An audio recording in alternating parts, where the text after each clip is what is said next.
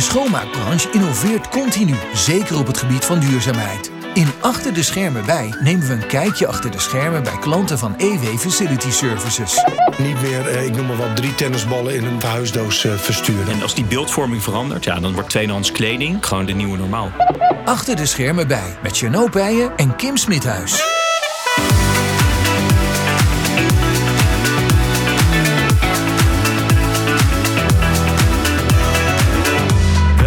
Leuk dat je luistert. Dit is de allereerste uitzending van de podcast Achter de Schermen bij. Mijn naam is Jeannot Pijen van EW Facility Services. Ik ben Business Development Manager en naast mij de co-host en collega, vriendin, innovatiespecialist Kim Wauw. Smithuis. Ja, Chino, zitten we. Zitten we dan? Wat een intro, hè? Nou, in de eerste podcast, Ja, spannend. ik vind het nogal wat. Onwijs. Die microfoon is groter dan ik had verwacht. We hebben Rutmar achter het glas, die kijkt mee. Zijn we blij mee? En twee ontzettend leuke gasten, dus eh, ik ben benieuwd. Wat gaan we doen vandaag? Ja, goede vraag, Kim. Wat gaan we doen in deze podcast? Eh, iedere maand nemen wij een kijkje achter de schermen met onze partners, maar ook onze opdrachtgevers, eh, start-ups, om te focussen op duurzaamheidsinitiatieven binnen de facilitaire markt. Eh, en als we kijken naar ons als schoonmaakdienstverlening, dragen wij daar graag een steentje aan bij.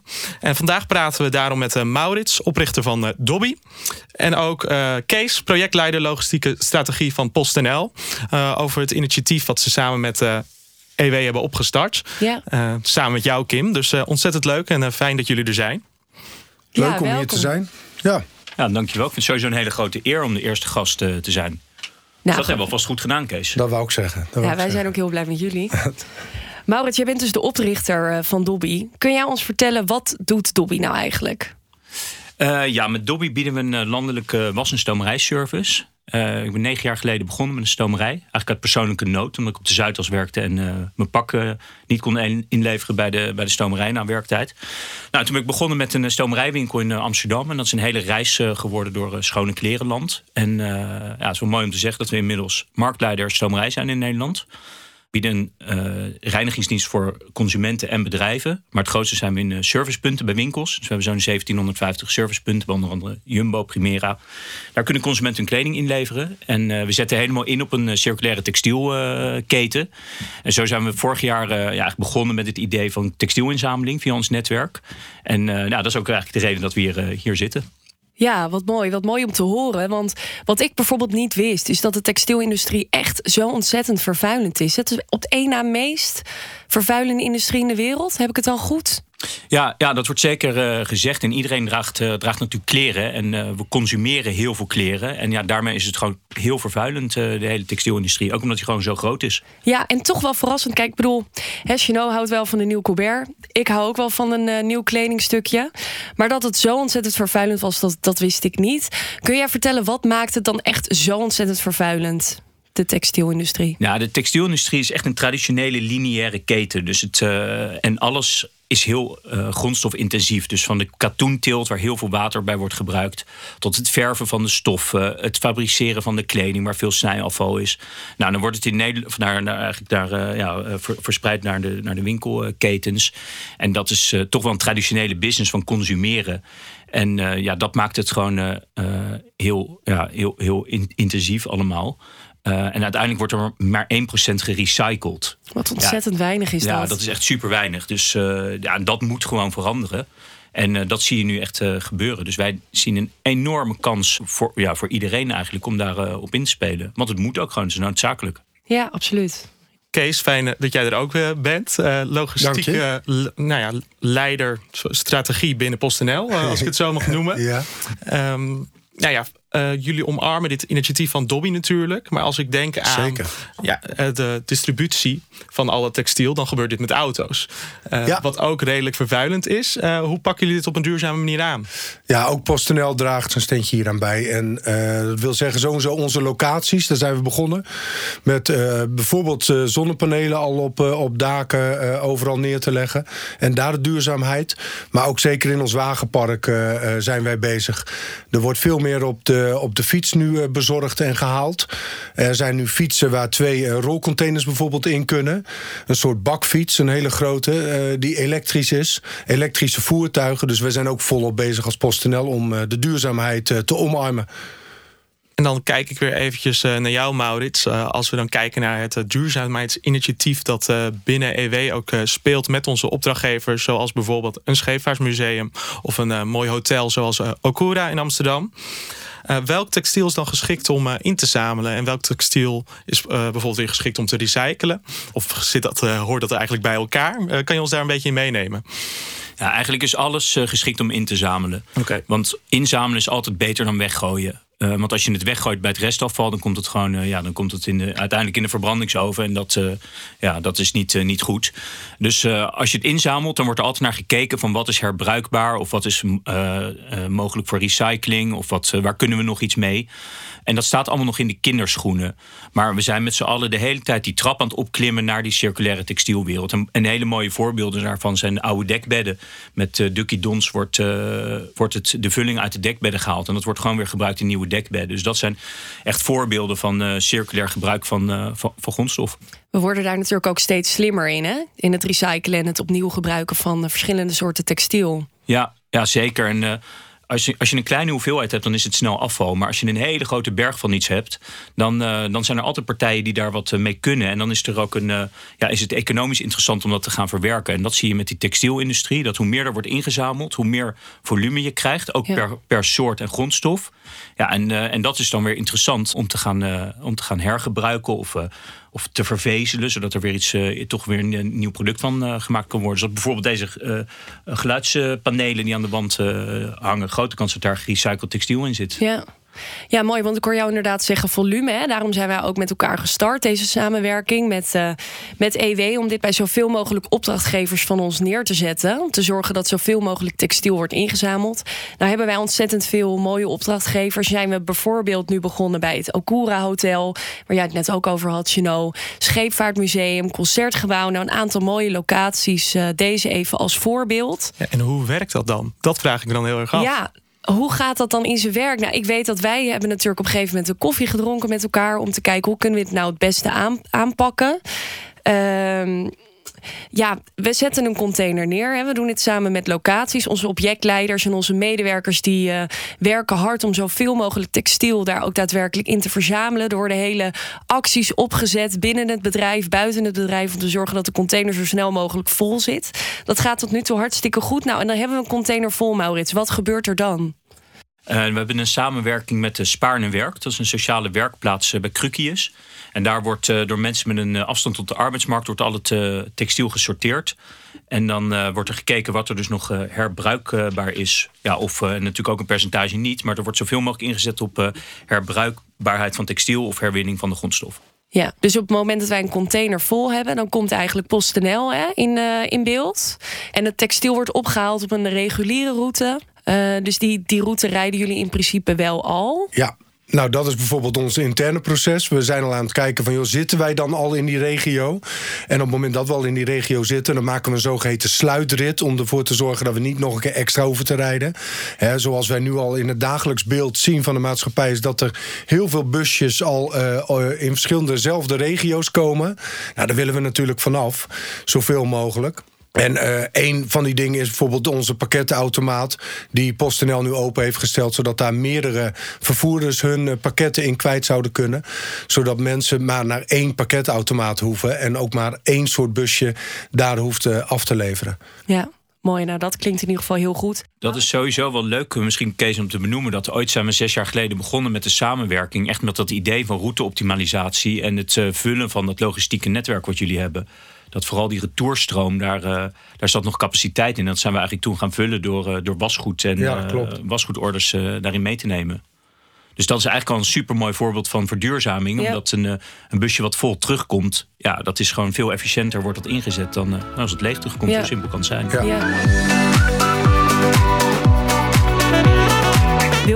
Informatie over textielrecycling en hoe jij een bijdrage kan maken aan textielvermindering? Kijk dan op ew.nl/slash textielrecycling. Kijkend naar onze branche hebben we natuurlijk wel verschillende uitdagingen. Zoals bedrijfskleding is bijvoorbeeld wel weer goed om uh, te recyclen. Maar een microvezeldoekje is weer lastig. Hoe kijk je daar tegenaan, Maurits? Ja, je moet het altijd uh, ook echt in de toekomst gaan, uh, gaan kijken. We willen natuurlijk heel graag uh, grote stappen zetten met z'n allen, maar dat is gewoon technisch vaak niet mogelijk en vaak ook commercieel niet mogelijk. Maar ik weet wel dat over tien jaar zal. Uh, nou, ik weet er niet van specifiek microvezeldoekjes weet ik niet genoeg af. Maar grote kans dat er dan een alternatief is. Uh, wat wel gerecycled kan worden. Of er is een stroom waarbij je zoveel microvezeldoekjes weer terugwint. zodat het wel gerecycled kan worden. Zoals bijvoorbeeld met tapijt is natuurlijk een heel mooi voorbeeld. Dat die tapijtindustrie was zoveel schaarste in grondstoffen. dat tapijtleveranciers nu gewoon het oude tapijt terughalen om het te recyclen. Om zodoende weer aan hun grondstof te komen. Nou, en ik denk dat je dat, dat soort circulaire modellen bij veel meer uh, gebieden van textiel gaat, uh, gaat zien. In ieder geval, dat hoop ik. Maar dat neemt ook wel een vlucht, hè, denk ik. Ja, ja, Als je nu ziet in dat sorteerproces van, die, uh, van het inzameling van textiel met schoenen, uh, soorten kleding, uh, gekleurde kleding, andere producten, bedrijfskleding onder andere, er wordt allemaal handmatig nog gesorteerd, uitgesorteerd. En dat zijn volgens mij gemiddeld iets van 40 of 50 processen die daar over de band gaan. Dus wat dat betreft zijn ze al wel heel erg goed bezig hoor. Nou ja, wij zijn natuurlijk, uh, Maurits en ik zijn toen op uh, bezoek geweest, ook bij Spaarne Werkt, om eens te kijken van, goh, hè, waar komt dat textiel nou uiteindelijk terecht? En dat is gewoon zo mooi om te zien hoe daar de mensen zo ontzettend secuur omgaan met elk stukje textiel. Ja. Er wordt echt gekeken van, hè, wat kan hiermee? En nou, Maurits, dan ook eigenlijk gelijk even de vraag aan jou, wat kan er dan mee? We hebben het over gerecycled textiel, maar dat is eigenlijk best wel breed. Dus uh, wat gebeurt er bijvoorbeeld met mijn handdoek of iets wat ik inzamel? Wat zijn de verschillende uh, doelen van het? Ja, super ver, verschillend. We zijn natuurlijk begonnen met uh, de inzameling bij Okura Hotel Scheepvaartmuseum. En we wisten het gewoon niet. Dat vind ik ook het toffe van dit project. En uh, zeker bij het Scheepvaartmuseum, we zetten die container neer. En toen had ik zelf het idee van, nou, we gaan wel zien wat daar wordt ingeleverd. En ja, misschien, als misschien grote kans dat er ja, heel weinig wordt ingeleverd. Maar juist was dat de locatie die als eerste na een week uh, belde van mijn container zit vol. En toen hebben we die opgehaald en gekeken wat erin zat. En dat was super divers. Dat was de hele oude bedrijfskleding uh, voorraad die ze hadden ze erin gegooid. Maar ook allemaal kleding van personeel wat daar, wat daar werkt. Ja. Kijk, en dat zijn natuurlijk mooie voorbeelden van kleding die nog een keer ingezet kan worden voor een tweede leven. Dus dat heel mooi textiel bij. En dat wordt gewoon dan ja, gesorteerd, voor, zodat het nog een keer gedragen kan worden. En misschien niet in Nederland, maar misschien in, in Oost-Europa of een ander land. Ja. En dan focussen we natuurlijk niet op het, op het exporteren van afval, want dat kan niet. Maar echt sorteren op herdraagbaarheid. En dan is, zijn er echt mooie stuk kleding die hebben gewoon een tweede leven.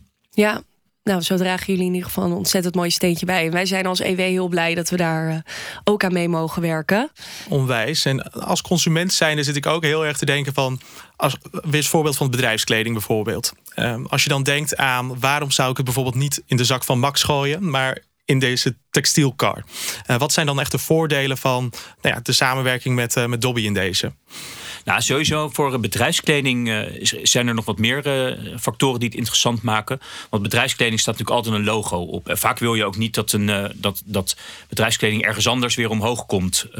nou, je wil niet dat er bijvoorbeeld ja, ergens een, iemand met een EW-logo gaat lopen terwijl die niet bij EW heeft gewerkt. En voor EW zou het misschien minder relevant zijn, maar je hebt ook andere uh, branches als de beveiligingsbranche. We zitten toevallig ook in de ouderenzorg en Magenta Zorg gaf precies uh, dit voorbeeld aan. Dat uh, ze afvroegen wat gebeurt er met mijn logo. Ja, precies. Dus als je het in die textielcontainer gooit, dan weet je zeker dat het in ieder geval niet terug op de markt wordt gebracht. Want alle bedrijfskleding sorteren we uit als er een logo op zit. En dan wordt het, ja, wordt het, wordt het vernietigd, wordt het vervezeld. Dus dan gaat het niet, wordt het niet doorverkocht wordt het vervezeld en dan worden die vezels weer ingezet voor nou, bijvoorbeeld een geluidsscherm hier. Um, uh, maar het mooie is dat je nu bij bedrijfskleding eigenlijk ziet dat uh, bij het design al wordt rekening gehouden met de eventuele verwerking later. Dus het wordt nu uh, zo ontworpen dat het weer makkelijk te recyclen is of uit elkaar gehaald wordt. Dus als je nu je bedrijfskleding erin gooit, dan weet je zeker dat het, niet, dat het goed terecht komt. Niet bij het restafval en dat het niet ergens anders ter wereld ineens weer boven water komt. Het duurzaamheidsdilemma. Dan denk ik dat we doorgaan naar het tweede deel van, uh, van de podcast. En dat is het duurzaamheidsdilemma. Dus uh, Kim gaat jullie straks bombarderen met uh, vier duurzaamheidsdilemma's. twee voor Maurits, twee voor Kees. Ja, geen prijzen zijn er. Helaas. Maar eeuwige roem. Worden op jullie gebombardeerd. zo snel mogelijk Ik ben ook heel benieuwd. Ja. Dat was niet voorbereid. Was niet afgesproken ook, maar. Kom niet voorbereid. We zijn er klaar voor. Hier hadden wij het meest zin in, hè? Kim? Ja, ja. langs over gedaan ook. Ieder krijgt eh, twee dilemma's. En het idee is ook dat jullie snel antwoorden. Dus eigenlijk niet te lang nadenken. We willen gelijk een antwoord. En we zijn heel benieuwd wat jullie antwoorden zijn. Dilemma 1 is voor Maurits. Biologisch eten in plastic of niet biologisch eten zonder plastic? Dit is eigenlijk al te lang, Maurits. Ja, en ik heb er eigenlijk te weinig eh, kennis van. Want het is een beetje, wat is, wat is, er, eh, ja, wat is er dan beter? Ehm, Ja, je moet toch een antwoord geven. Dat is het, het idee van nou, dan zou ik gaan voor, een, voor biologisch eten in plastic. Want eh, biologisch eten, dat is sowieso nou, goed verbouwd. En plastic kan je recyclen. Dus daar, dat wordt dan mijn keus. Duidelijk. Duidelijk. Ja. Volgende dilemma, Kim. Volgende dilemma, die is dan natuurlijk voor Kees. Je draagt altijd tweedehands kleding, maar wel van de Spice Girls. Of je hebt maar twee kledingstukken die je om de maand verwisselt en wast op 20 graden. Ja, de laatste. Ja? Ja, ja. Geen Spice Girl fan? fan. Nee, Nee. ik zie mij niet in een Spice Girls rondlopen. Nee. Twee kledingstukken wel? Dat ja, lijkt je twee wel wat? kledingstukken. Nou, dat lijkt me niks. Maar eh, als dat het dilemma is, kies ik daar wel voor. En eh, ja, dan is dat het. Volgende, Kim. Gooi erin. Komt-ie. Maurits. Alles met de hand wassen of nooit meer gebruik van de droger? Dus sowieso alles met de hand wassen. Want dat is sowieso eh, goed voor de kleding. Zeker met de tegenwoordige reinigingsmiddelen. Ja. Doe je dat nu ook al vaak? Nee, ik, ik gebruik Dobby altijd. Ah ja, ja. Ja. Dus Ja, eh, bij ons logisch gaat de was de deur uit. En dus het laatste dilemma voor Kees. Een duurzame tandpasta gebruiken, maar wel een iets wat slechte adem. Of een duurzame tandpasta. Oh, sorry, een niet duurzame tandpasta, maar een frisse adem. Eh, dan ga ik toch voor A, voor antwoord 1. Omdat ik dan met andere dingetjes wel probeer om mijn adem lekker te maken. Ja, precies. Jij gaat Ja. voor de pepermuntjes. Zeker, zeker. Jij vult Ja. aan. Zeker. Dat, eh, dat zal meteen mijn eerste keuze zijn. Daar, daarmee geef je eigenlijk ook gelijk wel aan dat een frisse adem toch wel belangrijk is hè, voor ons. Dat is ook zo. Alleen eh, eh, in hoever wil je daar weer eh, in gaan? En dat geldt Ja. überhaupt natuurlijk ook voor duurzaamheid. Hoe Ja. ver wil je ergens in gaan om daar gebruik van te maken? Ja. Gedurende je, eh, ja, je bestaan, zou ik maar zeggen. En ook nog eens een keer het bestaansrecht voor onze kinderen en hun kinderen uiteindelijk natuurlijk van de aardbol. Ja, want eigenlijk ga je meer consumeren, omdat je naast eh, de, de niet duurzame, de, de duurzame tandpasta ook nog een pepermuntje neemt. Zeker, maar dat wil niet altijd zeggen dat dat niet duurzaam gemaakt wordt. Daar ga jij nu meteen vanuit. Ja, dat wordt een heel ingewikkeld dilemma, ja. Nou, dat waren ze Dat denk waren ik. ze, hè? ja. Spannend. Was super. Maar wat Dank had jij jullie wel. gekozen, Leuk. Kim, over het Ja. eh, pepermuntje? Oh, dan krijg ik of hem terug nu. ja. Ik vind dat jouw adem inderdaad wel een beetje stinkt. Wel hè, ja, ik wel zit, kunnen al op de, gebruiken. ik zit al op de duurzame tandpasta. Ehm ik vind hem lastig. Ik denk toch dat ik. eh, Oeh, ja, dan ga ik het antwoord geven. Ik, kan natuurlijk nu het antwoord geven wat iedereen wil dat ik geef. En dat is de niet duurzame tandpasta. Of sorry, de duurzame tandpasta bedoel ik. Word lekker verwarrend nu ook. Als ik heel eerlijk ben, zou ik dat dus niet doen. Ja, dan denk ik, dan ga ik ergens anders op besparen. En ergens anders duurzamer voor eh, eh, leven. Maar ja, ik vind dat dan toch belangrijk. Komt toch weer een beetje dat. eh, Maar het is ook wel mooi om te zien, want jullie kiezen nu voor of het een of het ander. En we willen uiteindelijk natuurlijk naar hetgeen dat Ja. het allemaal duurzaam is.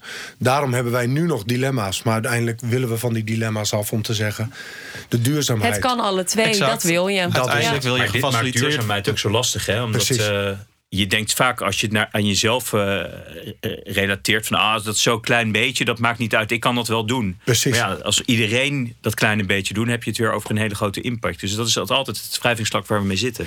Nou ja, en dat, dat is natuurlijk ook zo. Hè? Dus duurzaamheid staat vaak. eh, ja, dan, dan moet je ook je gedrag gaan aanpassen. Ja. Dat staat aan elkaar gelijk. Vandaag kwam bijvoorbeeld de Europese Unie hè, met nieuwe regelgeving. eh, met betrekking tot de verpakkingsindustrie om afval te verminderen. Dat is natuurlijk iets waar wij allemaal ontzettend blij eh, van worden. Ja. Bijvoorbeeld het eh, afval te verminderen van kleinverpakkingen, alledaagse. Nou ja, ik heb het even over de kleine shampoos, kleine bodylotions bijvoorbeeld. dat dat verboden gaat worden. Ehm, als persoon, ik thuis, dus niet alleen onze opdrachtgevers of bedrijven, wat kan ik nou nog meer doen? En dan hebben we het natuurlijk nu even over textiel, eh, om te zorgen dat ik zo weinig mogelijk textiel verbruik. Sowieso bewust tips? kopen. Dat, ik denk dat we de afgelopen tientallen jaren is het echt een fast fashion is natuurlijk daar een heel mooie term in. We zijn gewoon gaan overconsumeren wat kleding betreft. En je had gewoon kleding die wordt gemaakt om, om te consumeren, een paar keer te dragen en dan weg te gooien. En dat, ik denk dat, dat dat gewoon niet meer kan. Daar moeten we van afstappen. Dus als je iets koopt, koop het dan ik zou bijna zeggen duur. In ieder geval dat het van goede kwaliteit is, zodat het ook een lang leven aan kan. En dan, dan ben je volgens mij goed, goed bezig. Ja, wij doen met vriendinnen altijd één keer in de maand kledingrel. Ook ontzettend leuk om te doen. Fijn voor de kast, dat ten eerste. En ten tweede, het, shirt waar ik op uitgekeken ben, vindt een vriendin van mij weer ontzettend leuk. Dus dat is weer een, een kleine, klein iets. Maar inderdaad, er is genoeg wat je natuurlijk zelf ook nog thuis. Uh, en daarom is tweedehands kleding natuurlijk zo, uh, zo gaaf. En dat, uh, daar zit nu nog een imago aan dat het wat, wat alternatief is. We hebben allemaal dat, dat beeld van de tweedehands kledingwinkel, waar het een beetje muf ruikt. Maar dat is helemaal niet zo, want wij komen natuurlijk bij die kledingsorteerbedrijven. Als je kijkt wat daar in de bak ligt, dat is, dat is zulke gaaf artikelen dat je bijna zegt van ik, ik zou het zelf, uh, nou ik, ik doe het tegenwoordig zelf aan. Ja. En, uh, en als die beeldvorming verandert, ja, dan wordt tweede, tweedehands kleding wordt eigenlijk gewoon uh, de nieuwe normaal. Ook met die, die regel die je net opnoemde, was het volgens mij meer uh, grotere verpakkingen. Hè? Werd niet, ook niet meer getolereerd. Waarin uh, PostNL met name bezig is om meer lucht uit verpakkingen.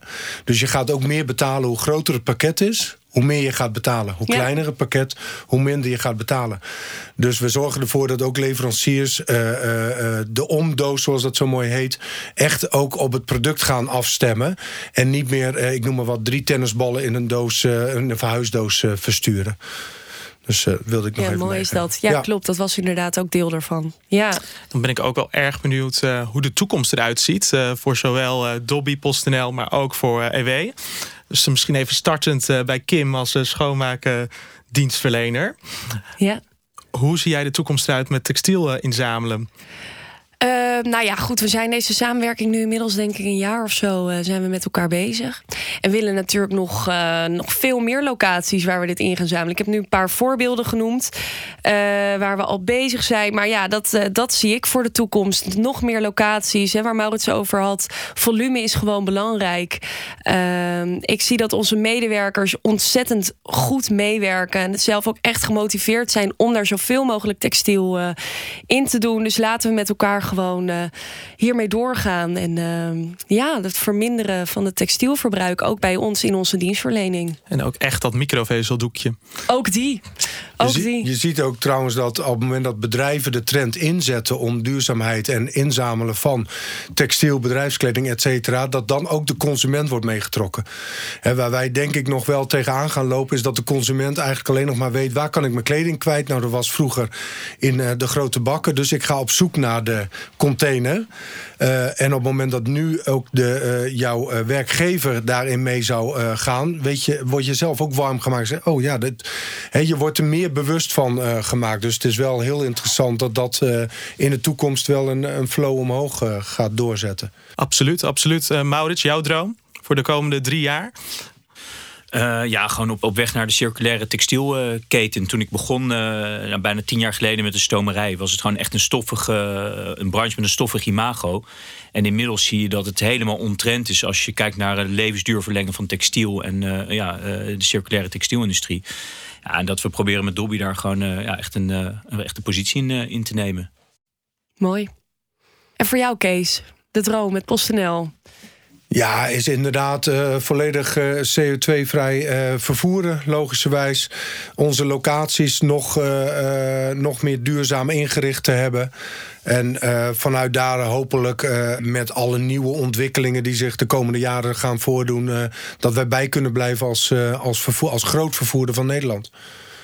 En ook wet en regelgeving speelt daar natuurlijk een rol bij. Want volgens mij moeten we in 2025 sowieso alleen maar elektrisch inkopen. Uh, hoe denken jullie daarover na als PostNL om dat ook weer een stapje voor te zijn. Want wet en regelgeving is een mooie motivatie om te gaan uh, verduurzamen. Ja, klopt. Je wilt natuurlijk ook intrinsiek gemotiveerd zijn. Ja, klopt. En, en dat zijn wij natuurlijk ook wel. Want uh, we weten maar al te goed uh, hoe vervuilend op dit moment de vervoersmiddelen zijn. Op het moment dat er nu vervoersmiddelen uitgerangeerd zijn, gaan we hoe dan ook elektrisch of gewoon ja, fietsen, meer fietsen inzetten. Dus toch meer weer op de mens gericht. En op het moment dat wij zorgen voor goede vervoersmiddelen, zullen ook de mensen die daarmee uh, moeten werken uh, heel blij zijn. Dus zo hopen we het cirkeltje weer rond te maken.